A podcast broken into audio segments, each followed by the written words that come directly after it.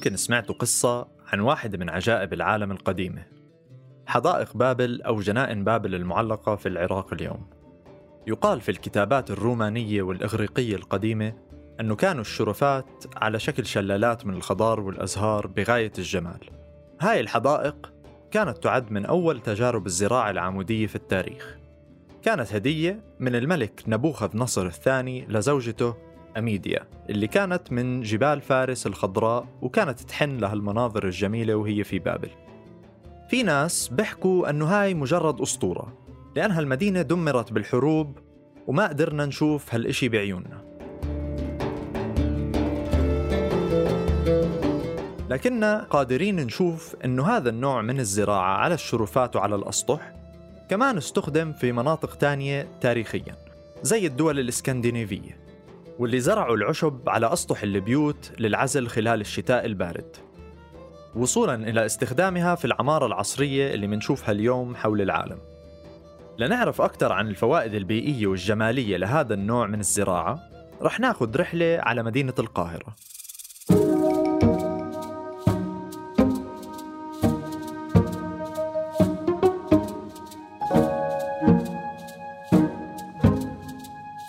بعد ست سنوات من شغلي بمجال البيئة والتنمية الحضرية لاحظت أنه لساتنا محتاجين نحكي عن البيئة ونناقشها خاصة أنه المحتوى العربي بهذا المجال محدود. من هون انخلق هالبودكاست. أنا علي عطاري بقدم لكم بودكاست مد وجزر اللي رح ناخذ ونعطي فيه لحتى نفهم بيئتنا أكثر هذا العمل من إنتاج صوت بالتعاون مع مؤسسة فريدريش إيبرت.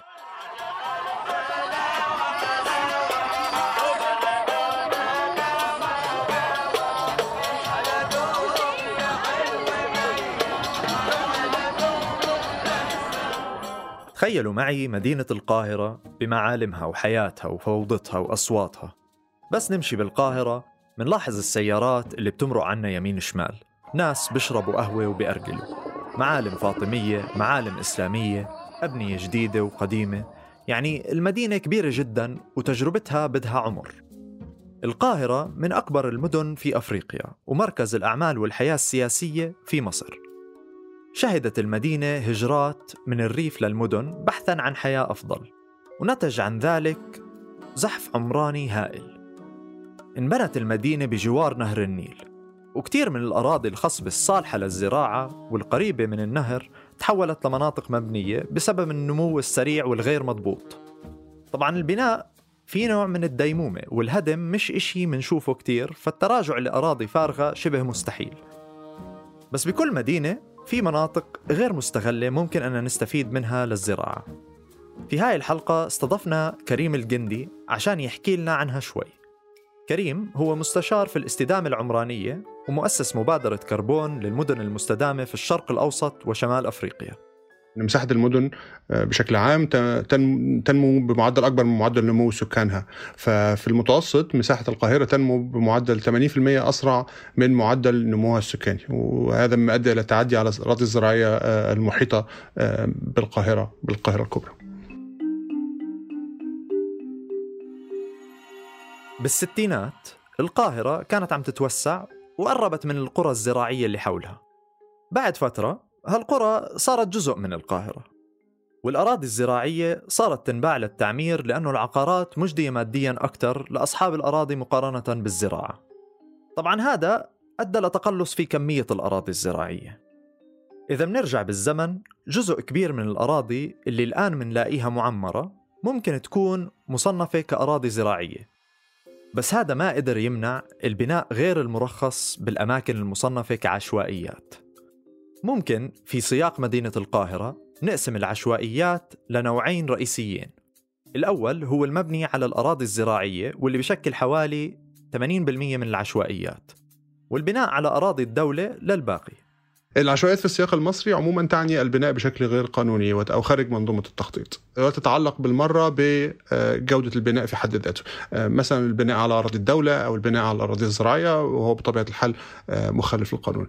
المناطق هذه المناطق العشوائية وما يعرف رسميا بالمناطق يعرف رسميا في مصر بالمناطق غير المخططة يعيش بها ثلثي سكان القاهرة حاليا. بيقول كريم أنه ظاهرة العشوائيات بدأت في الستينات وتسارع البناء غير المرخص في الأراضي الزراعية بالسبعينات وما انتهت بعدها. كان تغيير سياسات الدولة عموما تجاه العشوائيات آه، في الثمانينات والتسعينات آه، وتوصيل الخدمات الأساسية لها زي المياه والكهرباء والصرف منحها نوع من المشروعية وشجع على الاستمرار فيها مما أعطاها يعني زخما أكبر أدى إلى ترسخها كجزء أساسي من العمران القاهرة. اليوم حوالي 70% من سكان القاهرة بيعيشوا بالعشوائيات.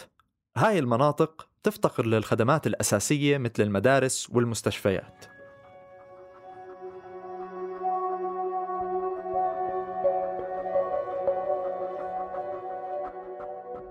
مدينة القاهرة بتفتقر للأراضي الزراعية والخضراء. ولازم نفرق بين الاثنين. الأراضي الزراعية هي مساحة للزراعة التقليدية اللي بنستفيد منها بمحاصيل الفواكه والخضار مثلا.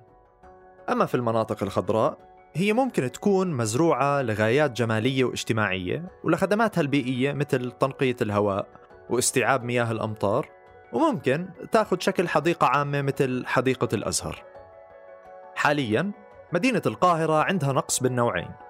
في أقل من نصف متر مربع من المساحة الخضراء للفرد. وهو معدل أقل بكتير من التوصيات العالمية 9 متر مربع للفرد. وهاي التوصيات مبنية على أهمية وجود عنصر الطبيعة في حياة الإنسان من ناحية صحية.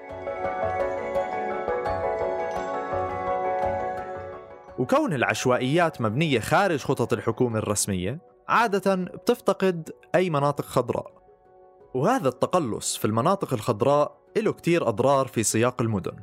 عادة بتكون درجات الحرارة وسط المدن المكتظة أعلى نسبياً من الحرارة في المناطق المحيطة. السبب هو ظاهرة الجزر الحضرية الحرارية أو الأربن هيت آيلاند عدة عناصر بتلعب دور بهذا الإشي. منها ألوان المسطحات المبنية مثل الشوارع والأبنية والخصائص الحرارية للمواد المستخدمة بالبناء اللي بتحبس حرارة من أشعة الشمس أكثر مقارنة مع النباتات. غير هيك النشاطات المختلفة داخل المدن من مصانع وسيارات ومداخن تنتج طاقة حرارية. هذا الإشي بلعب دور بزيادة التلوث الهوائي في المدن واللي بيأثر على صحة الإنسان والحيوان والنبات. كل ما قلت المناطق الخضراء زادت آثار ظاهرة الجزر الحضرية الحرارية. بمدن زي القاهرة ممكن معظم المساحات مستغلة من العمران والشوارع. فوين ممكن يضيف مناطق خضراء؟ هو أهم شيء بطبيعة الحال هو الحفاظ على المناطق الخضراء الموجودة داخل المدينة لأنها عادة في خطر. بعد ذلك يأتي توفير مساحات خضراء إضافية آه، إن فقط في الأماكن المناسبة يعني إن أمكن آه، وفقط إذا وجدت مياه من مصادر مستدامة لريها والحفاظ عليها. يعني مع الأسف المناطق يعني مدن المنطقة تفتقد للفراغات العامة أو المساحات العامة. اجمالا تمثل حوالي 2% من مساحه مدن المنطقة والقاهرة ليست استثناء لذلك. لذلك نحن ننظر فقط إلى استخدام فراغات خاصة لإضافة هذه المساحات الخضراء إن أمكن. آه، وخصوصا أن المساحات العامة أيضا عليها منافسة من استخدامات أخرى آه، تجعل استخدامها مسألة ليست بالهينة. آه، فأحد الفراغات الخاصة التي يمكن استخدامها هي أسطح المباني بطبيعة الحال. الأسطح الخضراء يعني يمكنها أن توفر مزايا بيئية متنوعة ولكن أيضا يمكنها أن تحسن الأمن الغذائي للسكان.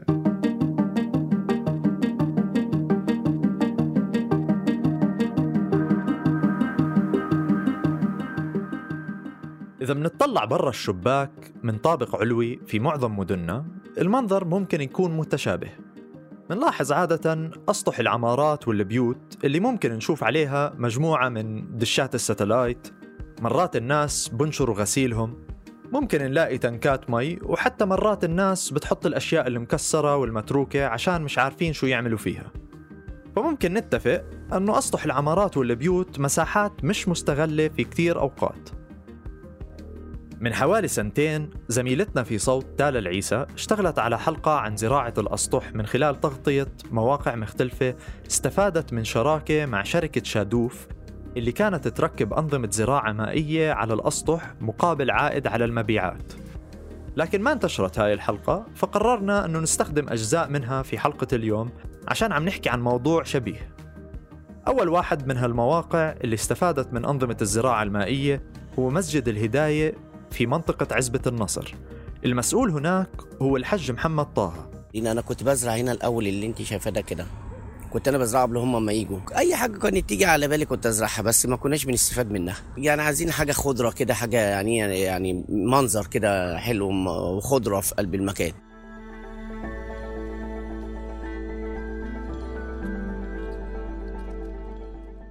اللي بيميز أنظمة الزراعة المائية هو أنهم ما بيحتاجوا أي تربة. يعني بس بيستخدموا مي بالزراعة. بالإضافة مصر عم بتواجه مشاكل بشح المياه وتلوث نهر النيل وهذا النوع من الزراعة ممكن يساهم بتقليل استخدام المياه بأكثر من عشر أضعاف. السبب لأنه نظام بس ماشي على المي بيستخدم مي أقل من الزراعة التقليدية بالتربة هو أنه النظام المائي بعيد استخدام المي نفسها. في مجموعة من الترتيبات اللي ممكن الواحد يطبقها ليزرع بهالطريقة باستخدام الأنابيب والأنظمة اللي بتدور المي. بس العامل المشترك هو أنه المي ما بتتسرب للتربة. بعد ما وافق محمد على أنه ينضم له الشراكة صار يقدر يبيع المحصول لشركة شادوف اللي بتعيد توزيعه بالسوق. واللي بيجي بقى كل شهر منهم بقى سواء كتير أو قليل بيتحط في كفالة اليتيم اللي إحنا بنقبض الناس كل شهر من المسجد. كان محمد يطلع بين ال 500 وال 900 جنيه كل شهر كدخل إضافي من خلال هالترتيب. وبما أنه معدل الدخل متدني في مصر هذا كان إشي مرحب فيه خاصة بوقتها. إضافة لبعض الفوائد الاجتماعية والاقتصادية اللي ممكن تنتج من هيك ممارسات في فوائد بيئية. أول إشي حكينا عن توفير المي بالزراعة المائية. بس غير هيك ممكن استغلال السطح للزراعة سواء تقليدية أو غيرها وكل نوع فيه له فوائد بيئية بتنعكس بشكل مباشر على الإنسان. الأسطح الخضراء يمكنها أن تخفض من درجة الحرارة حولها في يعني انزرعت انزرعت بشكل واسع. يمكن أيضا أن تقلل من الظاهرة المعروفة بالأربن هيت آيلاند. يمكنها أيضا أن تمتص الكربون بحسب طبعا نوع النباتات التي تزرع على الأسطح الخضراء. يمكنها أيضا أن تزيد في التنوع الحيوي في عن مجرد مجرد الزراعة يعني تستدعي وجود تنوع حيوي أوسع من كائنات أخرى ربما أن تتغذى أو أو من وجود هذا هذا الموئل لها الموئل الحيوي لها في في هذه الأسطح. يمكنها أيضا أن تقلل من الاحتياج للنقل وتقليل استغلال الطاقة لنقل الغذاء على سبيل المثال نتيجة لوجوده بشكل قريب جدا للمستهلك. ويمكنها أيضا أن عموما أن تقلل من الاكتساب الحراري في الفراغات تحتها يعني في في في المباني ذاتها التي توضع فوقها هذه الأسطح الخضراء. الأسطح الخضراء يمكن أن توفر نوع من التضليل للأسطح. ويمكن أيضا أن تعمل التربة كنوع من العازل أو نوع من الكتلة الحرارية التي تقلل من الاكتساب الحراري وبذلك يعني تقوم بنوع من التبريد وتقليل الاحتياج للتبريد الميكانيكي في هذه الفراغات.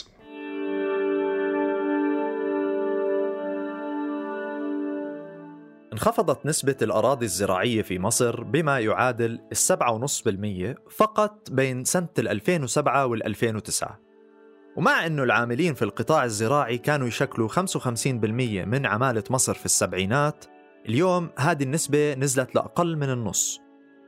همة عبد الرحيم هي أحد الأشخاص اللي انتقلوا للقاهرة على محافظة حلوان وتركوا وراهم نمط حياة المزارعين. همة أصلها من الجنوب من مدينة أسوان. البيوت في الصعيد كانت كبيرة جدا فمنها أرض فاضية ومنها حوش يعني كبير. فبنزرع منه شوية لينا لأكل البيت جرجير بصل. فيها مكان إحنا بنعيش فيه وفي مكان عاملينه زي عشة مش عشة صغيرة زي بيت اسمه بيت الطيور. يعني بيبقى وبنعمل وفي مكان مخصص زي كده بنعمل فيه إيه, إيه، زراعة بنزرع فيه. فأول ما جينا آه، كان شقة صغيرة ما كانش فيه إن إحنا نفكر في حتة آه، زراعة خالص بالمرة كويس اللي إحنا عايشينه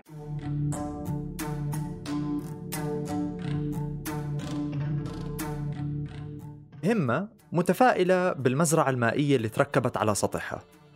النظام مصمم ليتحمل الانقطاعات الشائعة للمي والكهرباء في منطقتهم.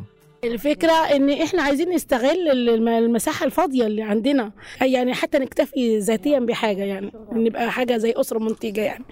آه، حتى لو ال- الاكتفاء لينا إحنا يعني آه، نزرع.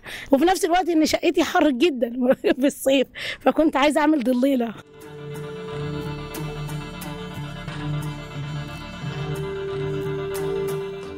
بعيدا عن القاهرة وفي مدن أخرى بالعالم مثل سنغافورة العاصمة الحكومة بنت فكرة بناء المدينة داخل الحديقة بدل إيجاد طرق ندمج الحدائق داخل المدينة.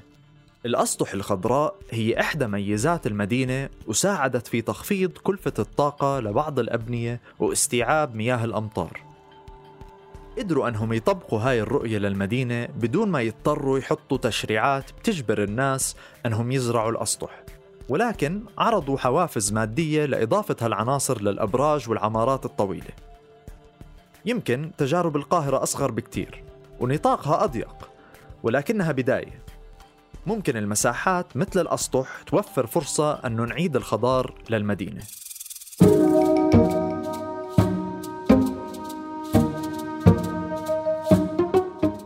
هاي الحلقة من تقديمي وإعدادي أنا علي عطاري وشاركت في الإعداد تالا العيسى في التحرير لما رباح هندسة الصوت حسان مهرة نشر وتوزيع مرام النبالي وجنى قزاز.